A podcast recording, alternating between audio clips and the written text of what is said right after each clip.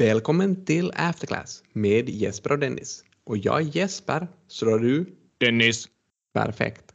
Vi har haft en följetong med Oriola här ganska länge. Och igen så har de gjort någonting. Och den här gången så har de sålt en del av sin verksamhet.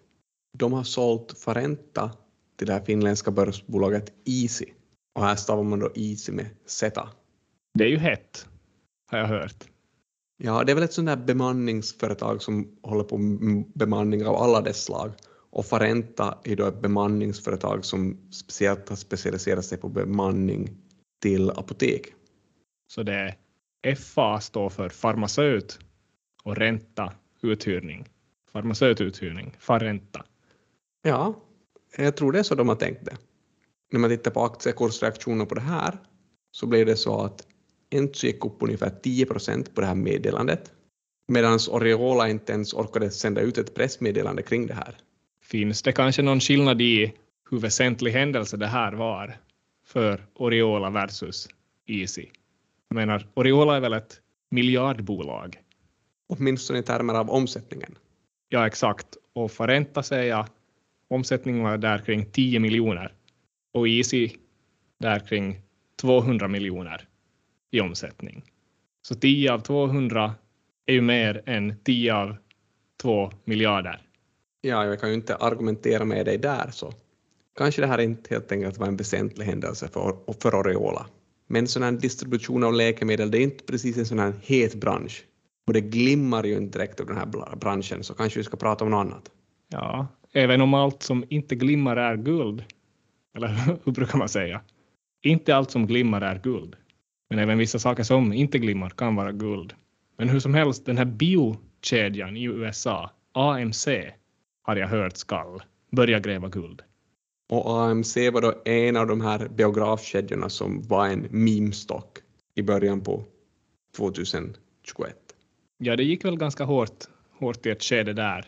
Och nu har man alltså annonserat att man ska köpa en guldgruva i Nevada för närmare 30 miljoner dollar. Så är, är det det som kallas diversifiering?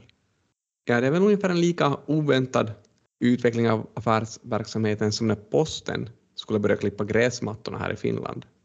Och man hör ju ofta när man pratar om finansiella teorier att diversifiering är bra för investerarna. Och vissa bolag har då tagit det här för långt och tror att de ska själv göra den här diversifieringen. Men det är däremot sällan så bra. Utan istället är det just investerarna som ska äga olika bolag och bolagen ska fokusera på en affärsverksamhet. Men det kan ju hända att där AMCs affärsverksamhet just nu är lite att hypa sitt eget bolag. Och då kan det vara bra att skaffa en guldgruva. Över nyhetströskeln nådde det i alla fall.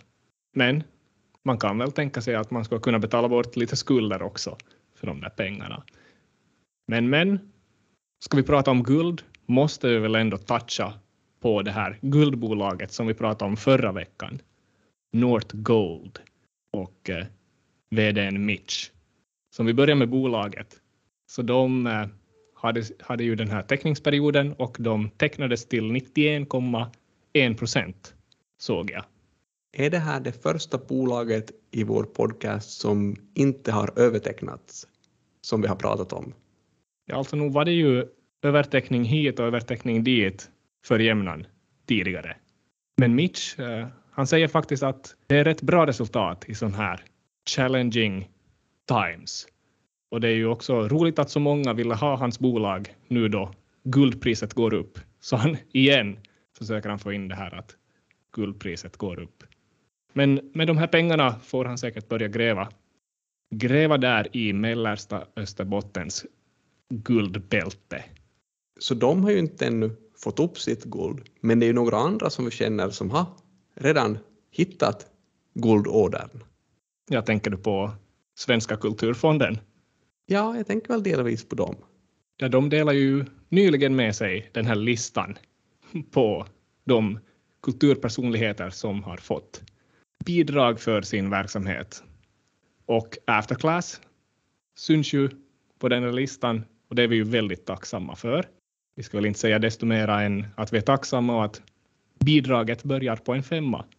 Jag noterar att det räcker nästan till att köpa sådana här A-aktier i Berkshire Hathaway. För de har nu nått eh, prisnivån 500 000 dollar per styck. Det är ganska imponerande pris för en aktie. Om man tittar på Nordnet så är det ju bara 16 kunder som äger en Berkshire Hathaway A-aktie. Så menar du här att det snart kommer att vara 18 kunder som äger en sån aktie? Ska vi göra som så att vi låter lyssnarna tolka själva för en gångs skull? Men tacksamma är vi och vi är glada att kunna sprida lite kunskap och lite annat till svensk Finland. Ja, vad var det någon som sa att, att när man lyssnar på Afterclass så måste man hålla i sig ordentligt för det, det är lite varning för hög underhållningsgrad ibland. Men, men. Ja, vi fick in lite Warren Buffett här nu också. Jag har väl inte sett en enda bild på Warren Buffett som han själv har lagt ut där han har sådana här laserögon. Laserögon sätter man ju ofta på sina bilder om man är en sån här bitcoin-believer eller en krypto, kryptokille eller tjej. Men det är ju varken Charlie eller Warren.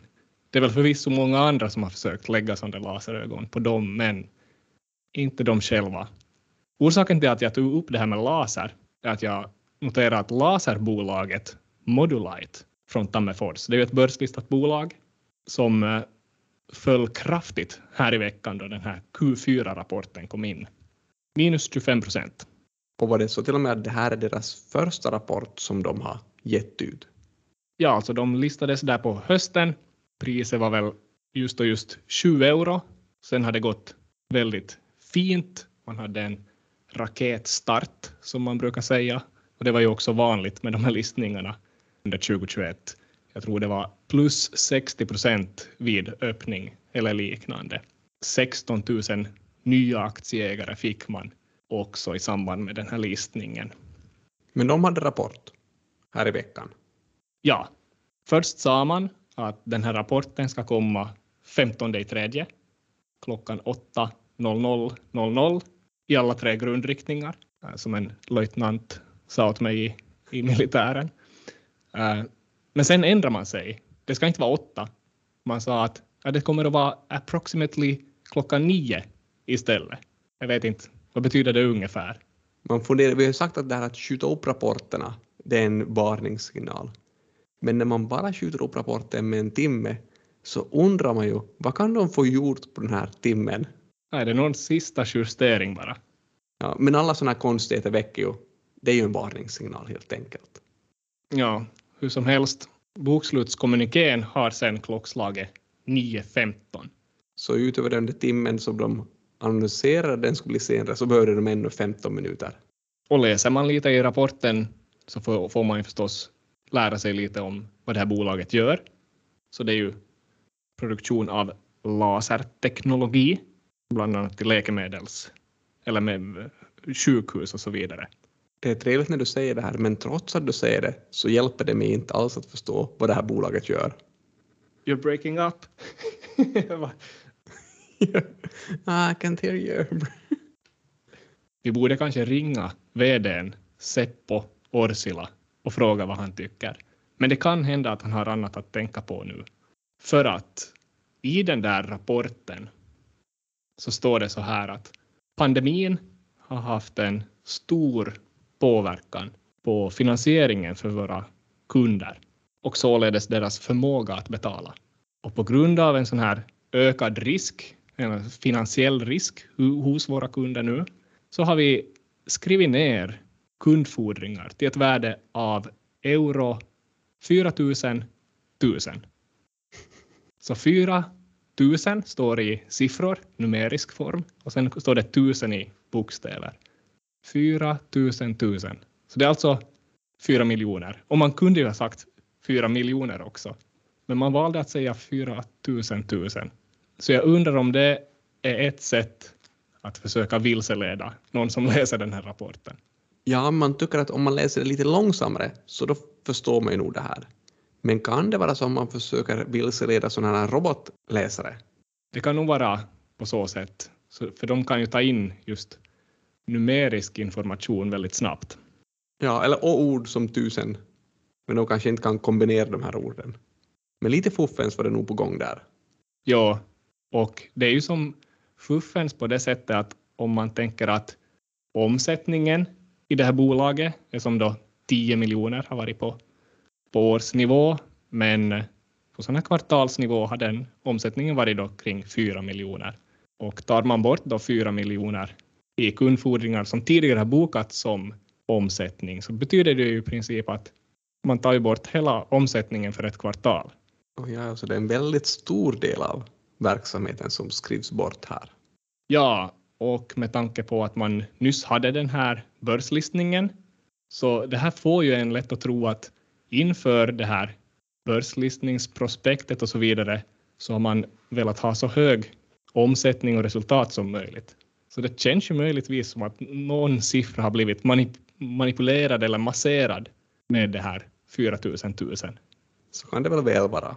Den här Seppo Orsila vdn, han säger att, att vi har gjort en, en sån här comprehensive analysis to the best of our ability och kommit sen fram till att det var bäst att göra så här enligt den här försiktighetsprincipen. Sen säger han att på den här conference callet att, att visst var det så, jag tror att vi skrev någonting om det här prudence principle i IPO-materialet. Visst var det så, Anka? Och så refererar han till sin sidekick där. Så nu känns det som att han är lite orolig att någon ska straffa honom för det här. Och aktiepriset, det straffades ju. Det såg vi redan.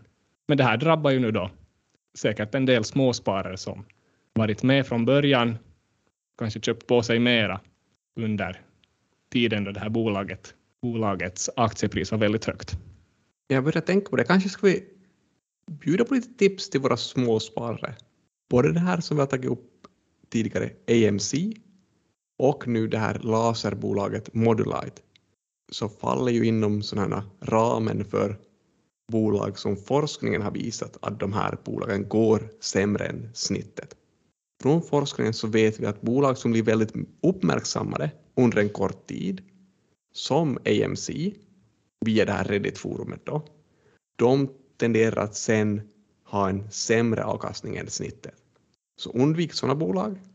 Och sen så har vi överlag väldigt starka bevis på att IPO-bolag presterar sämre de tre följande åren.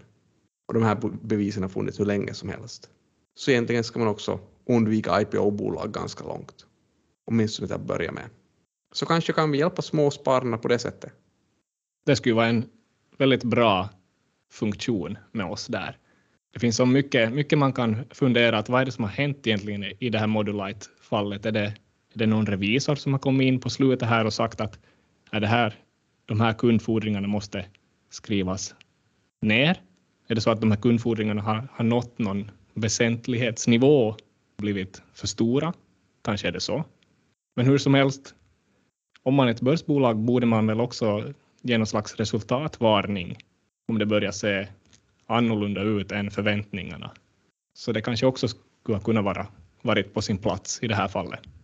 Man funderar igen, om det här är en fjärdedel av en års omsättning, hur kunde man inte ha sett det här problemet när bolaget börslistades i den här undersökningen som man gör i samband med prospektet? För det är ju en väldigt grundlig undersökning, eller due diligence. Och I det här fallet verkar det inte vara Rysslands kunder eller någonting sånt, så att häpnade är vi. Men du, du nämner den här grundliga undersökningen, så bara att göra den här listningen, det kostar ju också 4,1 miljoner framkommer det ur den här bokslutskommunikén. Så det är, ju, det är ju samma siffra. Eller sa jag, nu sa jag 4,1 miljoner, jag menar alltså 4 100 000. Men Seppo vågade ändå stå framför aktieägarna och berätta det här. Ja, vi vet faktiskt inte om han stod upp eller satt ner, för det var en sån här conference call som bara faktiskt var ett samtal. Oftast har man ju en webcast där man ser personerna stå vid något podium också, men lite tveksam var han på rösten, lite darrig. Det är ju alltid roligare om man ser de här personerna så kan man ju se lite deras ansiktsuttryck. Men vi minns ju bolaget XM Reality som hade tagit det till nästa steg. För de hade ju sina conference calls i bilen när de satt och körde. Ja, hur går det för dem nu för tiden? Ja, men de faller väl nog inom det här samma facket, lite smutsig bokföring. Så De har kommit ut med Q4, eller bokslutskommunikén för 2021. Och de berättar här att nettoomsättningen sjönk med 28 procent från 2020 till 2021. Så det var ju inte så bra för ett sånt här tillväxtbolag som XM Reality. Men det konstiga är att de har också skrivit att den största orsaken till den här skillnaden är att de hade ett kontrakt med vapenleverantören Saab som de egentligen i helhet redovisade som nettoomsättning för 2020. Trots att det gällde sånt som skulle bidra till omsättningen eller intäkterna under hela 2021 och kanske ännu längre in i framtiden. Är det något periodiseringsfel i det här då alltså? Jag vet inte om det är direkt ett periodiseringsfel, men grejen är väl att de nämnde ingenting om det här 2020 Q4 när de gjorde det. Då skrev de bara att vi har en helt fantastisk nettoomsättning. Men nu används det som undanflykt.